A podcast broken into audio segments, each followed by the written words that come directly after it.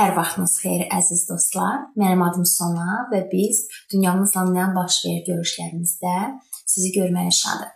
Keçən görüşdə biz dünyanın əlamətlərindən danışdıq və yəni görə bilərik ki, ətrafımızda baş verən hadisələrin nəticəsi olaraq biz stress və narahatlıq içindəyik. Stress ümumiyyətlə insanları çox pis hala salır və həyatdan bütün belə deyək də rahatlıq hissini əlindən alır. Və maraqlı bir tədqiqat aparıblar, test aparıblar. Deməli, nüfuzlu bir tibb universitetində stressə qarşı müqaviməti araşdırmaq üçün. Tədqiqatçılar adi insanların stressə qarşı müqavimət səviyyəsini ölçmək üçün testi keçirdilər və stressin maksimal səviyyəsini bilmək istəyirdilər.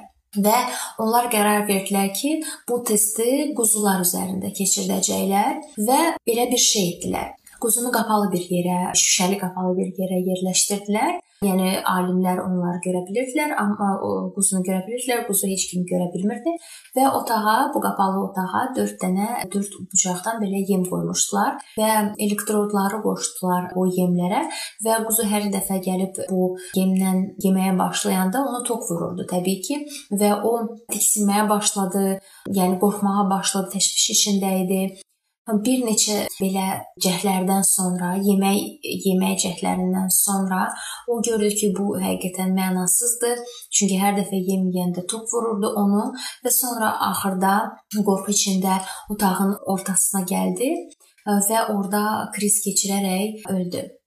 Bu testi növbəti yenə keçirdilər. Bu quzunun belə deyək də əkiz qardaşı üzərində, amma bir fərq var idi ki, onun anası da onunla bir yerdə idi və eyni formada quzu gəlib yemdən yemək istəyəndə onu top vurdu, vurdu və o anasının yanına qaçdı və öz aralarında yəni belə deyə də məlidəməyə başladı və anası da ona nəsə dedi və o maraqlı bir addım atdı, yenə də döndü yemin yanına və başladı yeməyə və o tok yenə də onu vurdu. O yenə də anasının qarşısına qaçdı və anası nəsə dedi və o yenə də qayıtdı və qorxmadı artıq və yemi davam yeməyə davam etməyə başladı və çox maraqlı nəticələrə şahid oldular alimlər. Çünki fərq nədə idi? Birinci quzunun gedəsi yeri yoxdu, gizlənəcəyi yeri yox idi. Amma ikinci quzuda artıq anası var idi və o bilirdi ki, o təhlükəsizlikdədir və onun yükünü daşıya biləcəyi kimsə var. Bəs bizim həyatımızda bu stresslə və narahatçılıqla dolu dünyada bizim stressimizi, bizim bu yükümüzü kim daşıya bilər? Bizim günahla dolu dünyamızda bizim günahlarımızı kim daşıya bilər? Bu sualları biz özümüzə veririk təbii ki və təbii ki biz istəyirik ki, bizim də yükümüzü bölüşə biləcəyimiz kimsə olsun. Amma vəhy kitabı bizə deyir ki, həqiqətən bizim elə şəxsimiz var və bu İsa Məsihdir. Baxın, Vəhy 1-ci fəsil 5-ci ayədə kəlam yer üzünün, yəni İsa Məsihi yer üzünün padşahlarının başçısı olan sadiq şahid adlandırır. O keçən dəfə mən sizə demişdim ki, İsa Məsih öldü və o 3 gündən sonra dirildi. O məzardan çıxdı deyə indi artıq ürəkləri yaxınların ölümünün sıxıntısını keçirən hər kəsə təsəlli verə bilər. O yerin hökmdarlarının Rəbbidir və o bütün kainatda böyük gücə və səlahiyyətə sahibdir. Vəhy kitabı 12-ci fəsil 5-ci ayədə belə yazılıb ki, qadın bir oğlan uşağı doğdu ki, dəmir əsa ilə bütün millətlərə ağalıq etsin. Bildiyimiz kimi o Məryəmdən doğulan körpədir və o şeytanın sövqlərini məğlub edən şəxsdir. Vəhy 12-ci fəsil 5-ci aya davam eləyir. Bu uşaq Allahın və onun taxtının yanına qapılıb götürüldü. Məsih göyə qalxdı. O diridir indi hal-hazırda və yükümüzü daşıyır. O bizim ehtiyaclarımıza xidmət etməyə hazırdır, əziz dostlar. Vəhy 14-cü fəsil deyir ki, İsa yer üzünə bir məhsul yığmaq üçün gələcək. Baxın, Vəhy 14-cü fəsil, 14-cü ayə. Mən gördüm ki, ağ bir bulud var və buludun üstündə bəşər oğluna bənzər biri oturub. Onun başında qızıl tac və əlində iti oraq var idi. İsa ona iman edən hər kəsi göylərə aparacaq. Amma onunla yanaşı o dünyanı da günahdan və günahkarlardan azad edəcək həmişəlik. Vəhy 19-cu fəsil İsa'nı simvolik bir ağ atda gələn qalib padşah kimi təqdim eləyir. Bu qələbə və zəfər simvoludur. Baxın, o heç bir döyüşü uduzmayan şəxsdir. Heç bir müharibədə məğlub olmayan bir komandirdir. O şeytanı tamamilə məhv edəcək bir şəxsdir. Vəhiy kitabının 1-ci fəslinin 22-ci fəslinə qədər bizə baş rolda olanı təqdim eləyir vəhiy kitabı. Onun adı İsa Məsihdir. Vəhy kitabında Məsihin simvollarından ən parlaq olan simvol quzu simvoludur. Yəni sanki kəsilmiş qurban quzusu simvoludur. Vəhy kitabında İsa 27 dəfə quzu olaraq təqdim olunur. Baxın, Vəhy 5-ci fəsil 6-cı ayədə yazılıb. Gördüm ki, quzu dayanıb. O sanki kəsilmiş vəziyyətdə idi. Vəhiy 13-cü fəsil 8-ci ayədə Məsih dünya yaradandan kəsilmiş quzu adlanır. Əzəldən Allahın özü İsa ilə bu bəşəriyyəti gəlib xilas etməyə qərar verdilər və mümkün dərəcədə bu planı ilə dünyanı tanış etdilər və hazır etdilər. Vəhiy kitabının 12-ci fəsildə ilana bənzər vəhşi heyvan quzuya hücum edir və sonra da mübarizəni onun ardınca gedənlərlə davam eləyir. Amma Vəhiy kitabı yazır ki, 11-ci ayədə ki, onlar o ilana qalib gəldilər. Baxın, Vəhiy 12-ci fəsil 11-ci ayə. Onlar quzunun qanı və öz şəhadət sözləri vasitəsilə ona qalib gəldilər. Vəhiy kitabında quzu ilana qalib gəlir quzu və onun ardıcıları tərəfindən hücum edən bütün qüvvələri vurur. Quzu bütün saxta dini sistemlərə qalib gəlir. Vəhiy 17-ci fəsil 14-cü ayədə yazılıb. Onlar quzu ilə döyüşəcəklər, lakin quzu onlara qalib gələcək. Əgər biz sizinlə bir yerdə quzunun tərəfindəyiksə, deməli biz qaliblərin tərəfindəyik. Çünki o ağaların ağası, padşahların padşahıdır və onunla birgə olanlar da çağırılmış, seçilmiş və sadiq şəxslərdir. Vəhy kitabında quzu qazanır, şeytan isə məhv olur. Niyə Vəhy kitabında Allah oğlunun simvolu olaraq müdafiəsi zəif və günahsız quzunu seçdi? Gəlin biz bütün müqəddəs kitabda quzunun simvolunu izləyək və bu gün onun bizim həyatımızda aidiyyətini görək. Allah quzusu anlayışı günahın ağırlarından necə azad eləyir? Bizi necə günahdan qurtarır? Necə əbədi həyata əminlik verir? Gəlin biz Adəm və Həvvanın vaxtına müraciət eləyək. Keçən dəfə mən sizə demişdim ki, Allah onlara seçim vermişdi. Bu xeyirlə və şər ağacını cənnətin ortasına qoymaqla onlara seçim vermişdi ki, onlar bu ağacdan meyvə dərib yesələr, onlar öləcəklər yəni onlara qadağa etmişdi, amma onlar seçimdə azad idilər və onlar bu seçimə qarşı çıxanda, meyvədən yeyəndə günah etdilər. Yəni Allah istəyir demək ki, Allahın əmrinin pozulması günah adlandırılır. Baxın, Romalılara 6-cı fəsil 23-cü ayədə deyilir: Çünki günahın əvəzi ölümdür. Adəm və Həvva günah işlədikdən sonra Allah onlara dedi ki, siz öz yerinizə öləcək quzu əti qurbanı verməlisiniz.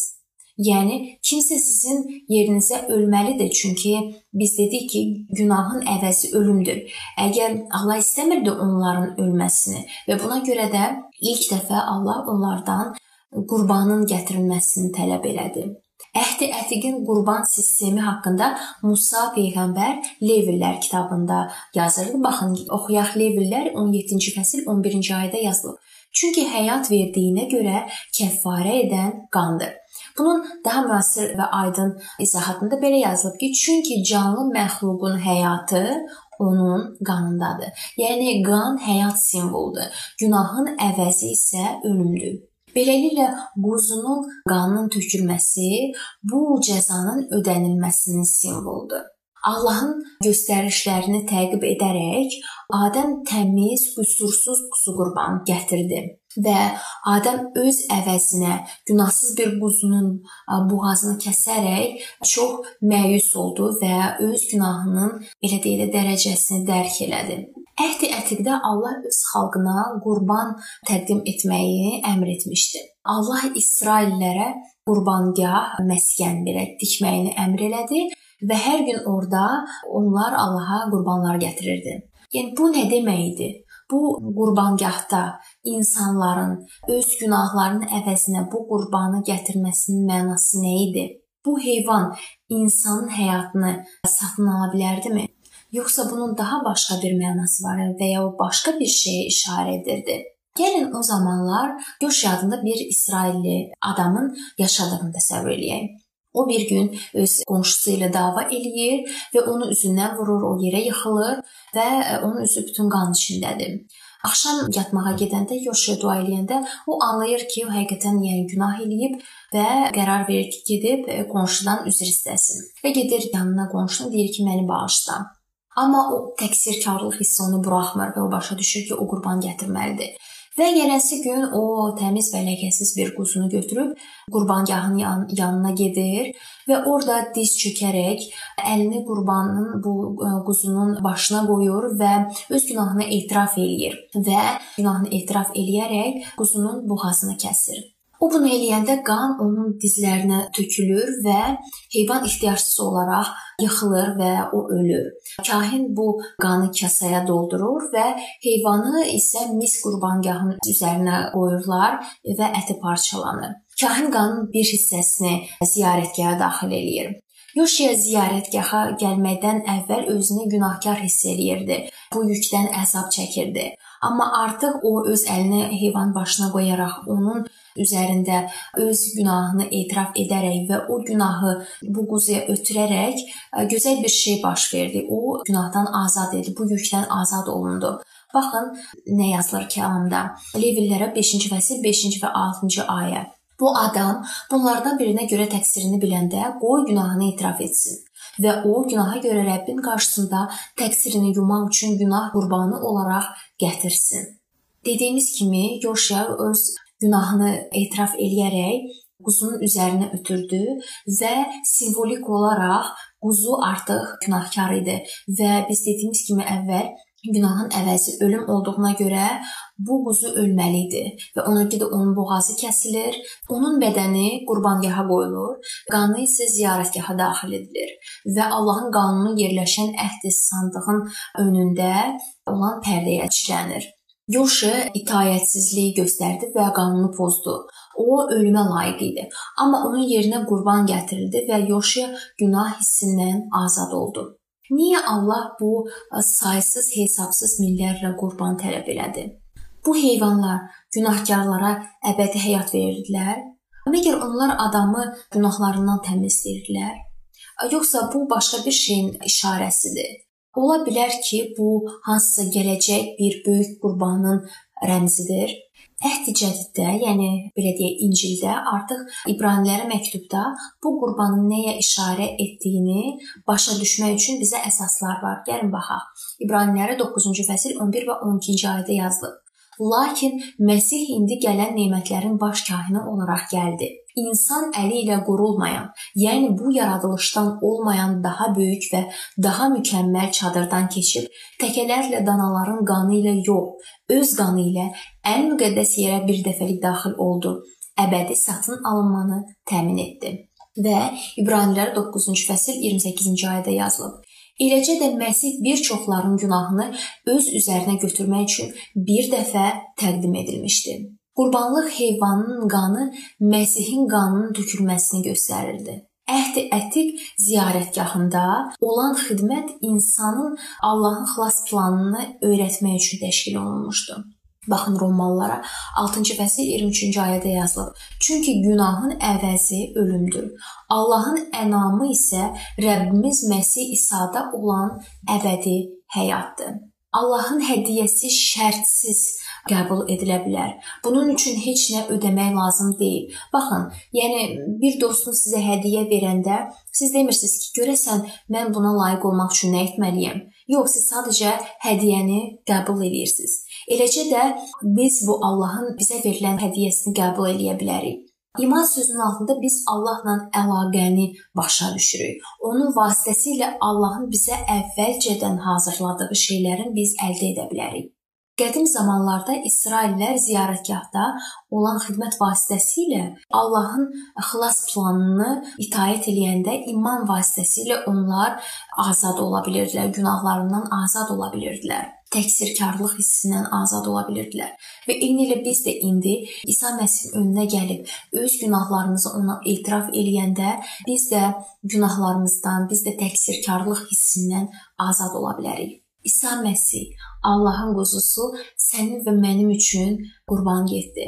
Və o vaxt çarmıxda baş verən bu hadisə sadəcə hansısa bir heyvanın ölməsi ilə bağlı deyil, o daha da önəmli bir hadisə idi. Baxın, və çox böyük bir məna daşıyır.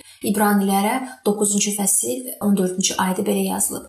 Deməli, əbədi ruh vasitəsilə özünü qüsursuz olaraq Allaha təqdim etmiş Məsihin qanı var olan Allaha ibadət edə bilməmiz üçün vicdanımızı ölüm gətirən əməllərdən nə qədər çox təmizləyəcək. Sizin vicdanınız da təmizlənə bilər əziz dostlar.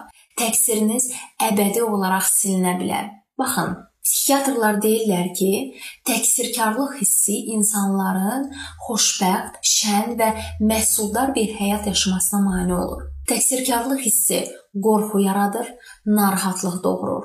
Təqsirkarlıq hissi sizi həyatın sevincindən məhrum edə bilər, içinizdən sizi məhv edə bilər. Amma biz İsa'nın yanına gəlib diz çökərək belə deyə bilərik: "Ya Rəbb, Mən səhv yola düşdüm. Bilirəm ki, düz etmədim.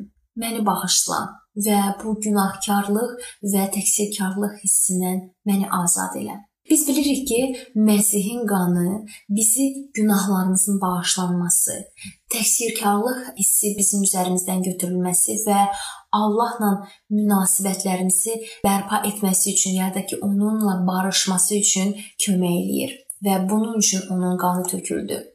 Biz həqiqətən inansaq ki, Allah bunu bizim üçün edir, günahlarımızın yükü azalacaq. Baxın 2-ci Korinfillərə 5-ci fəsil 21-ci ayədə yazılıb ki, günahla əlaqəsi olmayan Məsihi Allah bizim uğrumuzda günah qurbanı verdi.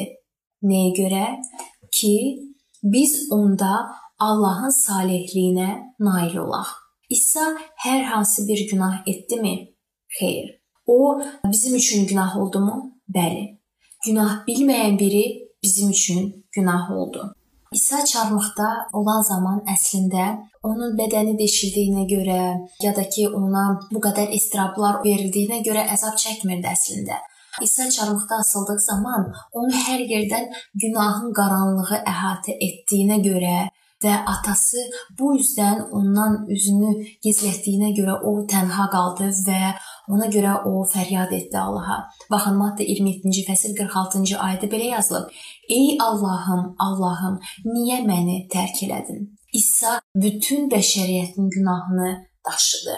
O öz üzərində günahın məhkumluğunu hiss etdiyinə görə həyatını itirdi. Amma o çarmıqda asılaraq qərar verdi ki, günahımızın bədəlini sona dək daşıyacaq. Bizim xilasımız onun yeganə məqsədi idi. O bizim günahlarımızın yükünü daşıdı.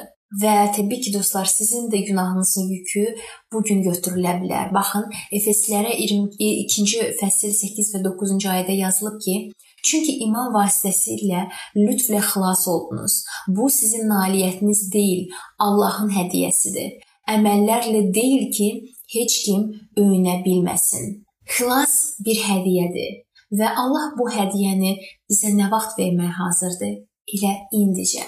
1-ci Peter 1-ci fəsil 18 və 19-cu ayədə yazılıb: Bildiyiniz kimi siz puç həyat tərzindən qızıl ya gümüş kimi fani şeylərlə deyil, qüsursuz və ləkəsiz Məsihin qiymətli qanı bahasına satın almısınız. Satın alma əslində bir hədiyyədir, əziz dostlar. Siz nə vaxtsa itayətsizlik etmisiniz, ya da ki, bir şeyin pis olduğunu bilə-bilə həmin hərəkəti eləmisiniz.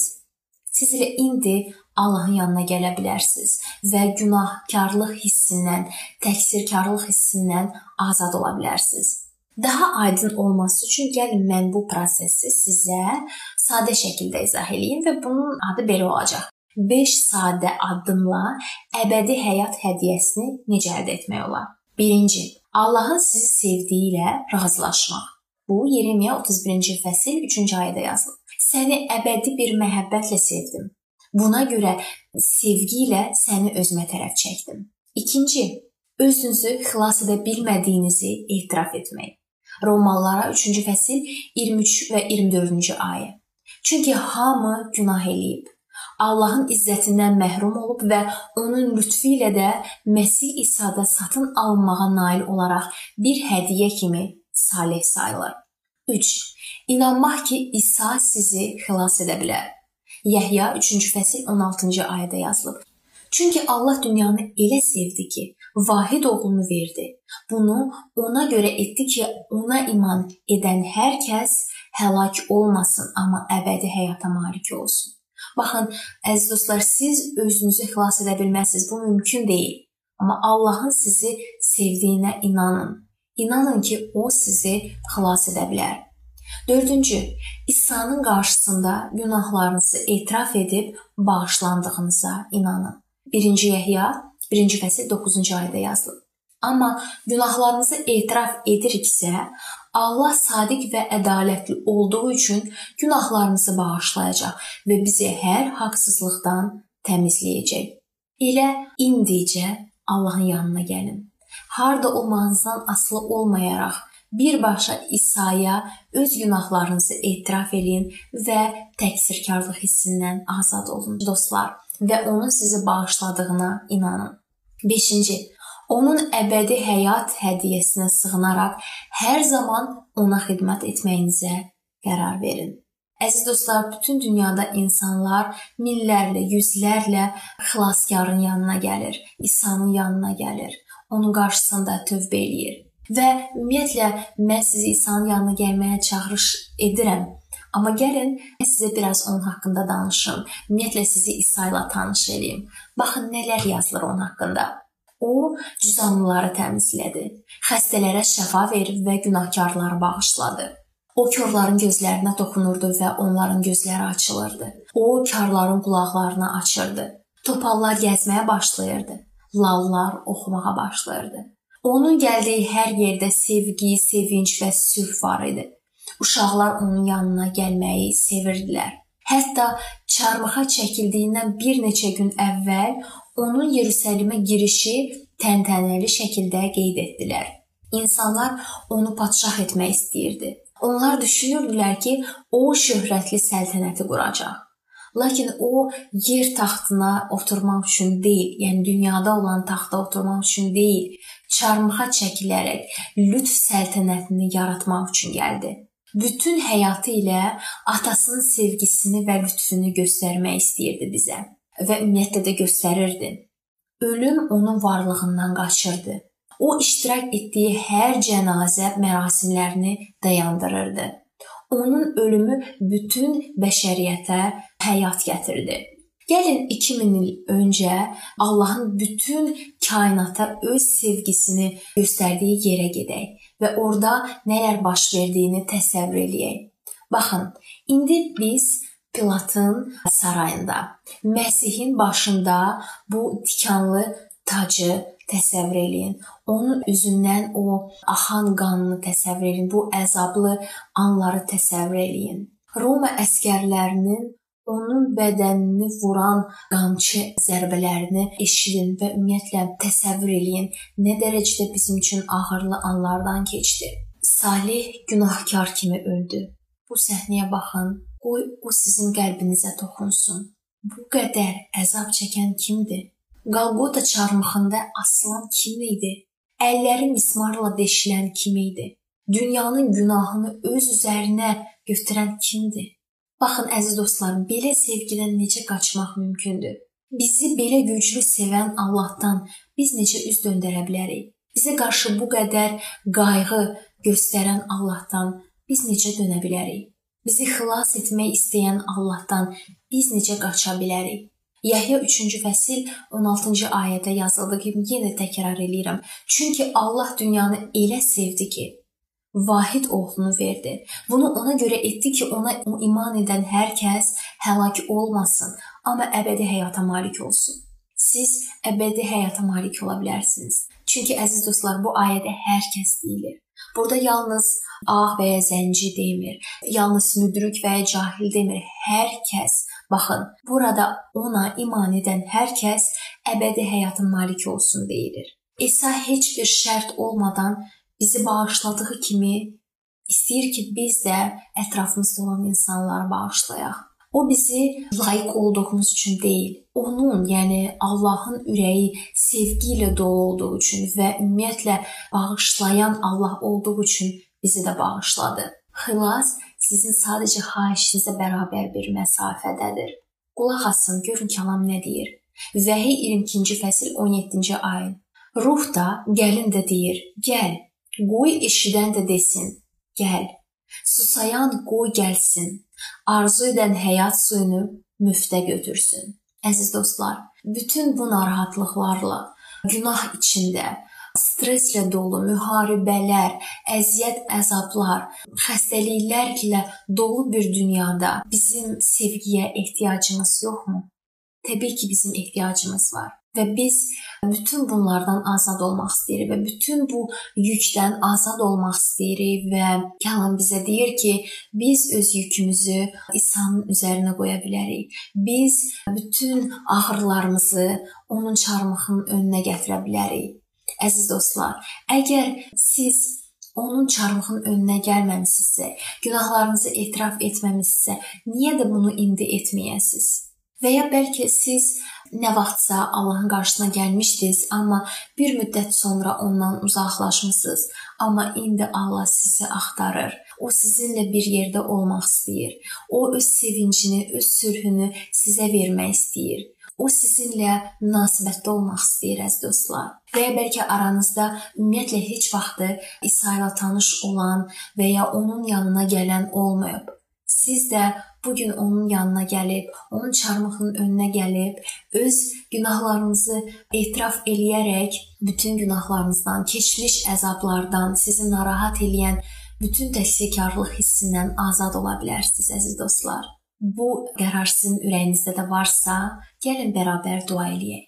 Gözəl Allahım, bu gün narahatlıq və günahla dolu bir dünyada bizim ürəyimiz narahatlıq içindədir, bizim ürəyimiz stres içindədir və günah bizim həyatımızı məhv etmək istəyir. Amma ya Rəbb, nə gözəl ki, sən bizə xilas planını hazırlamısan və nə gözəl ki, bizim yerimizə biz ölümə layiq olduğumuz halda sən vahid oğlunu yer üzünə göndərərək onun ölümü vasitəsilə bizə həyat verməyə hazırsan və biz də bu hədiyyəni sadəcə qəbul etmək istəyirik. Ya Rəbb, İsa Məsih üçün sənə minnətdarıq və elə indicə biz öz ürəyimizi ona təslim etmək istəyirik. Ya Rəbb, biz indi İsa Məsihin önündə öz günahlarımızı etiraf eləyirik və keçmiş həyatımız üçün tövbə eləyirik qarşında və deyirik ki, ya Rəbb, biz səhv etmişik, yolumuzu azmışıq, ya Rəbb. Bizi bağışla və bizi təmizlə